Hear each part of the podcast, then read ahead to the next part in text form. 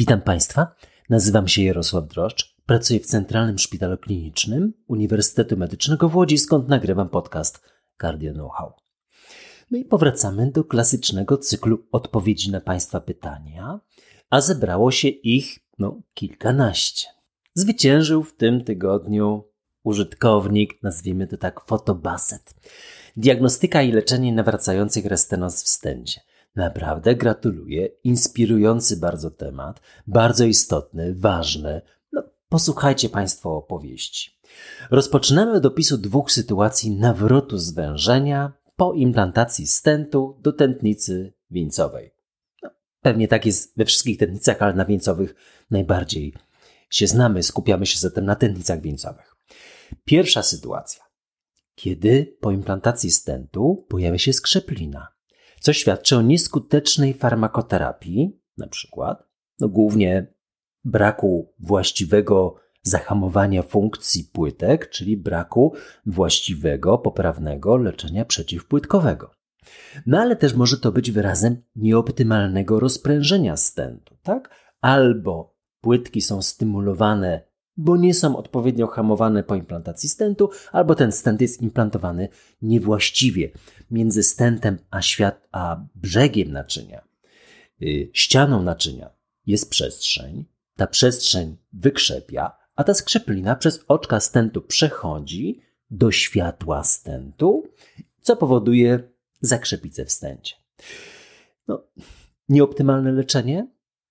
Jakie może być? Na przykład jeden lek przeciwpłytkowy kwasat stolosalicylowy, co dawniej było standardem, ale dziś ograniczamy wskazania do jednego leku przeciwpłytkowego wyłącznie dla bardzo małej grupy pacjentów, niezwykle wysokiego ryzyka, krwawień, no ale i tak zasadnicza rekomendacja idzie w tą stronę, żeby podwójną terapię przeciwpłytkową stosować przez tydzień, okres szpitalny bądź miesiąc, zwykle nie dłużej.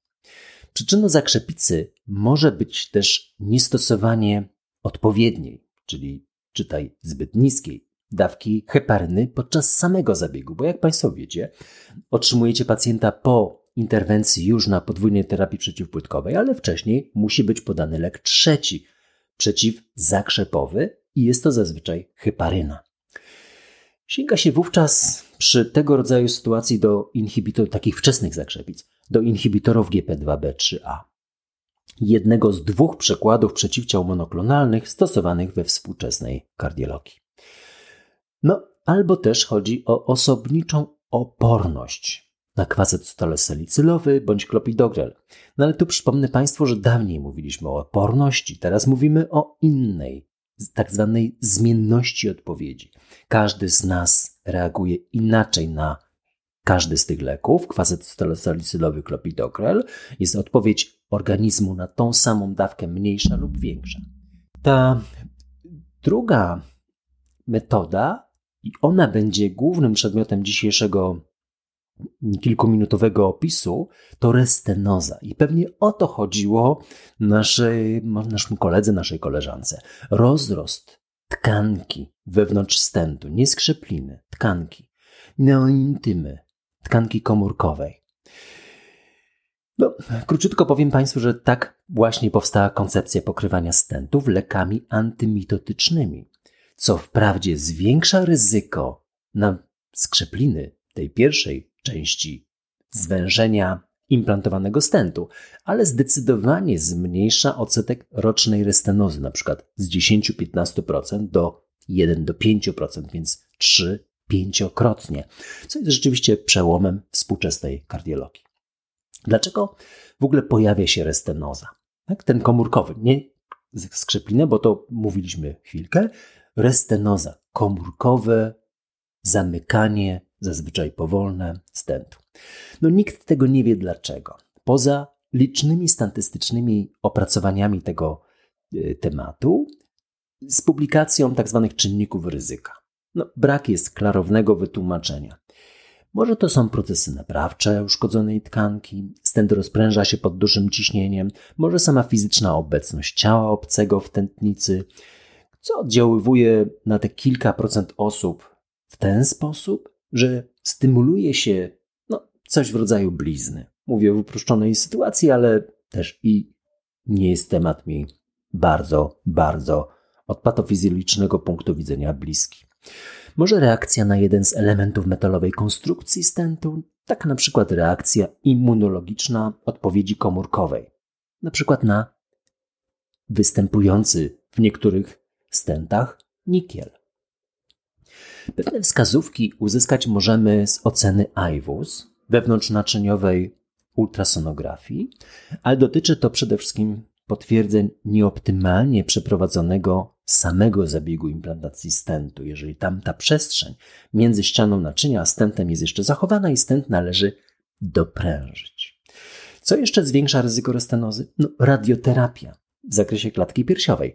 Chociaż spodziewałbym się, że ta radioterapia zwolni procesy komórkowe, a zatem zmniejszy restenozę. Zaskakująco zwiększa. Radioterapia w zakresie klatki piersiowej jest jednym z czynników. Także pacjenci z AIDS hmm, mają zwiększone ryzyko restenozy. Państwo zapomnieliście o AIDS? Trochę przyznaję, że i my mm, zdystansowaliśmy się od tej epidemii, ale odświeżyłem sobie ostatnio Bohemian Rhapsody, gdy minęło 40 lat od początku tej epidemii. Patrząc na patogenezę, raczej widzę następującą sekwencję reakcji. Uraz, tak, implantacja stentu to duży, masywny uraz. Tam 15-20 atmosfer to są normalne ciśnienia, pod którymi stent jest implantowany, czy przez które stent jest implantowany do ściany naczynia. Zapalenie, uraz, zapalenie, proliferacja mięśni gładkich, depozycja macierzy zewnątrzkomórkowej, włóknienie. To taki, taka sekwencja jest zachowana i chyba no ona jest bliska temu, co my widzimy w ogóle w procesach naprawczych, ale tu szczególnie jest to wyrażone tymi kilkoma elementami. Przypomnę jeszcze raz: uraz, zapalenie, proliferacja mięśni gładkich, depozycja macierzy zewnątrzkomórkowej, na przykład taki właśnie proces włóknienia. Na początku wydaje się właściwe zatem zablokowanie reakcji zapalnej, także powiązanej z krzepnięciem i aktywacją płytek. No, płytki są też związane z reakcją zapalną i skrzepnięciem. To Państwo znacie, czynniki krzepnięcia również mają elementy zapalne. Krzepnięcia to jest połączony ze sobą układ, nazywany tylko układem krzepnięcia, ale przecież i też procesów zapalnych. Później tylko hamowanie proliferacji komórek wchodzi w rachubę. No i stosujemy wówczas leki antymitotyczne, no, paklitaxel, sirolimus, everolimus. Pokrywa się nimi stenty lub same balony, gdy przeprowadza się angioplastykę balonową restenozy w stencie. No bo jeśli mamy stent i restenozę, to nie implantujemy kolejnego zwykle stentu, tylko wkładamy balon, napompujemy ten balon, a na ścianie balonu jest lek antymitotyczny, który hamuje proliferację komórek. Ten paklitaxel, należy zwrócić uwagę, hamuje bardziej proliferację komórek. A sirolimus, everolimus, zotarolimus, tacrolimus działają przede wszystkim na układ odpornościowy, immunosupresyjnie i przeciwzapalnie. Ale są także substancje hamujące migrację komórek i tworzenie pozakomórkowej macierzy, takie jak batimistat. Rzadko nazwa używana w praktyce klinicznej, rzadko wiemy też o dokładnej strukturze substancji. Inne koncepcje kierują się w stronę regeneracji śródbłonka. Taki jest radiol, naczyniowy czynnik wzrostu śródbłonka itd. A jeszcze inna stosuje probukol, taki antyoksydant, zazwyczaj połączony z sirolimusem. Liczne badania wskazały na stosunkowo słabą skuteczność klasycznych leków. Najskuteczniejszą metodą pozostaje optymalna struktura stentu, pokrycie go lekiem antymitotycznym bądź koktajlem substancji oraz perfekcyjne przeprowadzenie samej implantacji z oceną późniejszą IWUS i potwierdzeniem doprężenia stentu. Co do stentów, zwracam Państwu uwagę, że współczesne stenty składają się z trzech elementów. No, metalowa konstrukcja, pokrywająca ten metal substancja, no i wkomponowany lek w tą substancję. No i każdy element jest tu ważny. Ale warto zauważyć, że potwierdzono, że trening interwałowy zmniejsza ryzyko restenozy w stędzie. Taki na przykład protokół stosowany był wówczas 10 minut rozgrzewki i 4 cykle po 4 minuty submaksymalnego wysiłku. Zastanawiam się, ale to chyba nie dla mnie. Dlaczego nie dla mnie? Nie, jak już biegnę, to już biegnę tak dość szybko, a potem jak przestanę, to już mi się nie chce więcej startować, ale pacjentów zachęcamy, tak? 10 minut rozgrzewki, ok, 4 cykle po 4 minuty i ten protokół wydaje się być e, dobry. Jak często spotykamy restenozę w praktyce? No bardzo rzadko. Sporo poniżej 5%. To tak literatura mówi. Prowadzę od dwóch lat program KOS Zawał w Centralnym Szpitalu Klinicznym i na palcach jednej ręki mogę y, policzyć chorych, którzy mieli restenozę w implantowanym stencie w przebiegu ostrego zespołu wieńcowego. No a widzę tych chorych co dwa miesiące, przez okrągły rok, wykonuję scintygrafię perfuzyjną przy pojawiających się wysiłkowych dolegliwościach w klatce piersiowej, kieruję na oddział dziennej rehabilitacji kardiologicznej do pani profesor Anny Jegier, gdzie bardzo konsekwentnie wykonuje się próby wysiłkowe, echo z oceną kliniczną. Zespół naszej kliniki współpracuje bardzo ściśle z panią profesor i zespołem pani profesor. Dużo częściej pojawiają się zmiany de novo w innej lokalizacji. No, ponieważ jest zbyt wysokie stężenie cholesterolu LDL, pacjent nie rozumie tego, tej granicy 55 mg na decylitr, albo kieruje się tym zapisem, że jest strzałeczka w dół skierowana, więc cholesterol jest za niski, to może mu grozić czymś tam. Mm, wyjaśniamy to, że pacjentowi nie grozi niskie stężenie cholesterolu, ale wiecie Państwo, jest, są różni ludzie o różnej, różnym sposobie percepcji. Pacjent odstawia statynę czasem, no bądź też nadal pali papierosy. Może mieć też rodzinną hipercholesterolemię, o czym będziemy z pewnością mówić, ponieważ mamy y, leki PCSK9 i wręcz mamy już w Polsce lek, który stosujemy nie co dwa tygodnie, jak te klasyczne dwa inhibitory PCSK9, y, przeciwciała monoklonalne, ale taki lek, który stosujemy dwa razy w roku. Na ostatnim kongresie Europejskiego Towarzystwa Kardiologicznego była na ten temat publikacja, praca. No, co jeszcze można tu zauważyć? Że przy restenozie mamy znacznie mniejszą kliniczną przydatność ANGCT. Czułość naczyniach natywnych ocenia się ANGCT na 90%. To w przypadku restenozy ta czułość spada do 40%. No stąd kierowani przeze mnie pacjenci są na scyntygrafię, SPECT, a nie na ANGCT poprzez skórnej rewaskularyzacji, kiedy pytanie brzmi o restenozę. No i przejrzyjmy na koniec mm, ostatnie wytyczne. Słowo restenoza nie pojawia się w wielu miejscach. Na przykład non-STEMI 2020, wytyczne ostatnie publikowane, tylko jeden raz ta restenoza jest jednym z czynników, które powinny przechylać szalę na korzyść operacyjnej rewaskularyzacji, a nie kolejnych zabiegów przezskórnych. Obok lokalizacji rozległości zwężeń, cukrzycy, przeciwwskazań do podwójnej terapii przeciwpłytkowej. Tam jest jeszcze napisane frakcji poniżej 40, ale tego fragmentu Państwu nie przeczytam, bo nie jestem za tym, żeby go stosować w praktyce klinicznej. Wytyczne dotyczące cukrzycy wspominają restenozę tylko raz, gdy porównują zabiegi na tętnicach szyjnych. Jednym z istotnych czynników restenozy takiego stentu jest właśnie cukrzyca.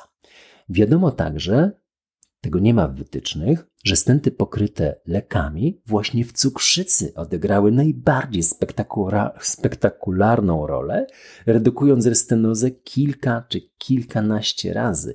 I dopiero to przekonało sceptyków, żeby stosować stenty niemal już teraz zawsze. Wytyczne przewlekłych zespołów wieńcowych całkowicie pomijają temat restenozy. Wydana rok wcześniej, w 2018 roku, uniwersalna definicja zawału wskazuje na przykład na typ 4C zawału. Znacie wszystkie Państwo pięć typów zawału? 4C jest to następstwo restenozy w stęcie. No, swoją drogą to może być dobre pytanie na teście z kardiologii dla adeptów e, kardiologii w przyszłości. Definicja tego zawału uwzględnia sytuację 4C, gdy obrazowi klinicznemu ze wzrostem troponin towarzyszy nawrót zwężenia w stęcie przy braku innych zwężeń, poza wcześniej implantowanym stentem. Nieco szerszy opis jest zawarty w wytycznych podwójnej terapii przeciwpłytkowej z roku 2017 i przytoczę go tu w całości. Najczęstszym średnioterminowym zdarzeniem niepożądanym związanym z urządzeniami wykorzystywanymi do interwencji jest rewaskularyzacja docelowej zmiany, trochę trudne, ale ok, w wyniku restenozy w stęcie. Mhm, o co tu chodzi? No chodzi o to, że to jest częste, najczęstsze powikłanie, jeśli chodzi no, częściej niż na przykład skrzeplina, bo chyba tak rozumiem ten sformułowanie dość trudne, przyznaję. I ta restenoza stęcie dotyczy 9 do 15% chorych ze stentem niepokrywanym lekami, tak zwanym BMS, i poniżej 5% u pacjentów z DES, czyli stenty pokrywane lekami nowszej generacji. Mówi się tu o 12 miesiącach. Do czynników predykcyjnych rewaskularyzacji docelowej zmiany należą stopień jej złożoności angiograficznej, cukrzyca, leczenie przewlekłego, całkowitego zamknięcia oraz zakrzepica w stęcie, bądź też zmiany ostialne. Drugie pytanie. Pani Łucja, czy warto zainwestować w stetoskop elektroniczny? elektroniczny? Nie warto. Naturalnie moja odpowiedź dotyczy jedynie lekarzy bez deficytu słuchu, gdyż wówczas w przypadku tego deficytu, no jedynie dobry stetoskop ze wzmacniaczem to podstawa normalnej pracy klinicznej. Dlaczego dla pozostałej grupy nie? No po pierwsze, filtruje on dźwięki i ogranicza ich zakres. Mamy taki sprzęt w klinice. Jedna z naszych koleżanek prowadzi badania, rozprawę doktorską. Słuchałem, rejestrowaliśmy dźwięki, nie jestem nimi zachwycony.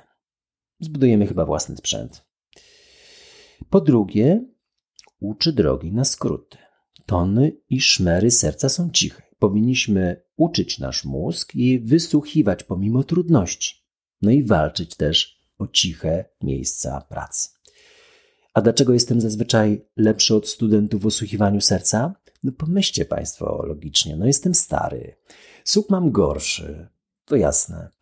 Może bardziej wnikliwie analizuję dźwięki, może skupiam się bardziej, identyfikuję, pamiętam liczne przykłady wad itd. Tak po trzecie, no trudno mi sobie wyobrazić, że zawsze będziemy dysponować obok siebie naszym ulubionym elektronicznym stetoskopem ze sprawną baterią. to jest na prąd oczywiście. A co jeśli nam się gdzieś zapodzieje? No przestaniemy słuchać serce, a pogotowie, a SOR, a przypadkowe konsultacje? No i ostatnie pytanie.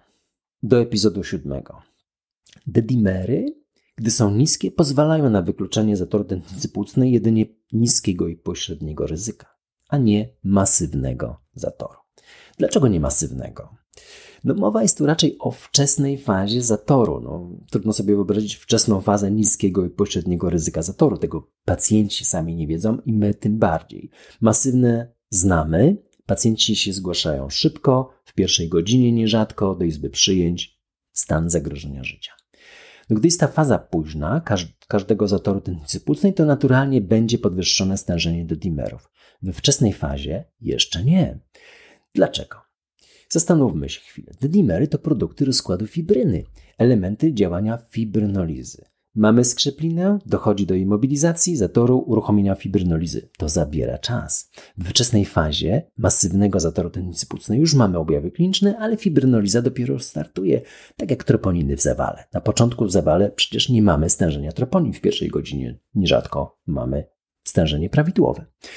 Dlatego masywny zator tętnicy płucnej należy najpierw leczyć. A do diagnostyki zdecydowanie bardziej nadaje się echokardiografia. Jest szybsza i umiejętności kliniczne. ANGCT jest tu przereklamowane. No, wspominałem już Państwu parę razy. Przypomnę, 82% zlecanych ANGCT w dużym budynku szpitalnym nie wykazuje się zatoru tętnicy płucnej, czyli błędna wstępna diagnoza. A czas? A naświetlanie? A kontrast? A koszty? Kochani, po tym e, golemie czternastym trudno mi się zabrać do nowej lektury. Cały czas jeszcze analizuję te rzeczy, które mam w pamięci i początek roku akademickiego ma też swoje prawa. Stąd coś, co czytałem przed rokiem. Patrioci. Sana Krasikow. Tłumaczyła Dorota Konowacka-Sawa, wydawnictwo WAP, grupa wydawnicza Foxal. Sana Krasikow urodziła się na Ukrainie, wychowała się w Gruzji, a dziś żyje w stanie Nowy Jork. No, gdzie? Na osiedlu akademickim Cornell University. To jest Liga Bluszczowa. Ukończyła ten, ten uniwersytet w 2001 roku. i mieszka w takim miejscu, gdzie są pracownicy akademiccy tego znakomitego uniwersytetu. Daleko, trochę od Nowego Jorku, ale na pewno no, bardzo ciekawe miejsce. W tej powieści Patrioci bohaterka odbywa odwrotną pielgrzymkę z Brooklynu, gdzie się urodziła, do Rosji. No, 34 rok. Wtedy zaczyna się ta powieść. Na przestrzeni lat 1934-81 rozgrywają się losy jednej rodziny. To przykład nie do końca zakończonej sukcesem migracji do raju. Ja się nie przejęzyczyłem. Czy Rosja może być rajem? Była rajem? Jest rajem? No w roku 1934 mamy w Stanach Zjednoczonych jeszcze mocno kryzysowe lata. Bardzo wiele osób, przypuszczam, że naprawdę bardzo wiele, odsetek bliski 100%, przeszło przez kryzys 29, 30 kilka, mocno poturbowanych w Stanach. A tutaj mamy eksplozję komunistycznej wolności. Wszystko jest nasze, razem pracujemy, razem świętujemy, razem się bawimy. Hmm. Czy warto było? No, przeczytajcie Państwo książkę. No, bardzo ładnie identyfikuje te uczucia głównej bohaterki, lokuje je w tym raju, nazwijmy to tak, i pokazuje mechanizm. To chyba najważniejszy element związany z tą książką. Ale może wybaczcie mi jeszcze sekundę, Państwo. Mam dziś inne do Was pytanie, wykraczające nieco poza tą powieść, ale pozostającą w tym schemacie. Czy warto dziś emigrować? Mając wspaniały zawód lekarza? Byłem długo za granicą, w różnych krajach ale dziś jestem tu i nie żałuję. Jeśli Państwo będziecie mieli jakieś uwagi, komentarze, pytania, kierujcie na media społecznościowe. Kolejne pytania będę odpowiadał w kolejnych podcastach. Będę też bardzo wdzięczny Państwu za promocję podcastu wśród lekarzy, komentarz, choćby nawet jednym słowem, co pozwoli na znalezienie nas przez innych. Bardzo dziękuję.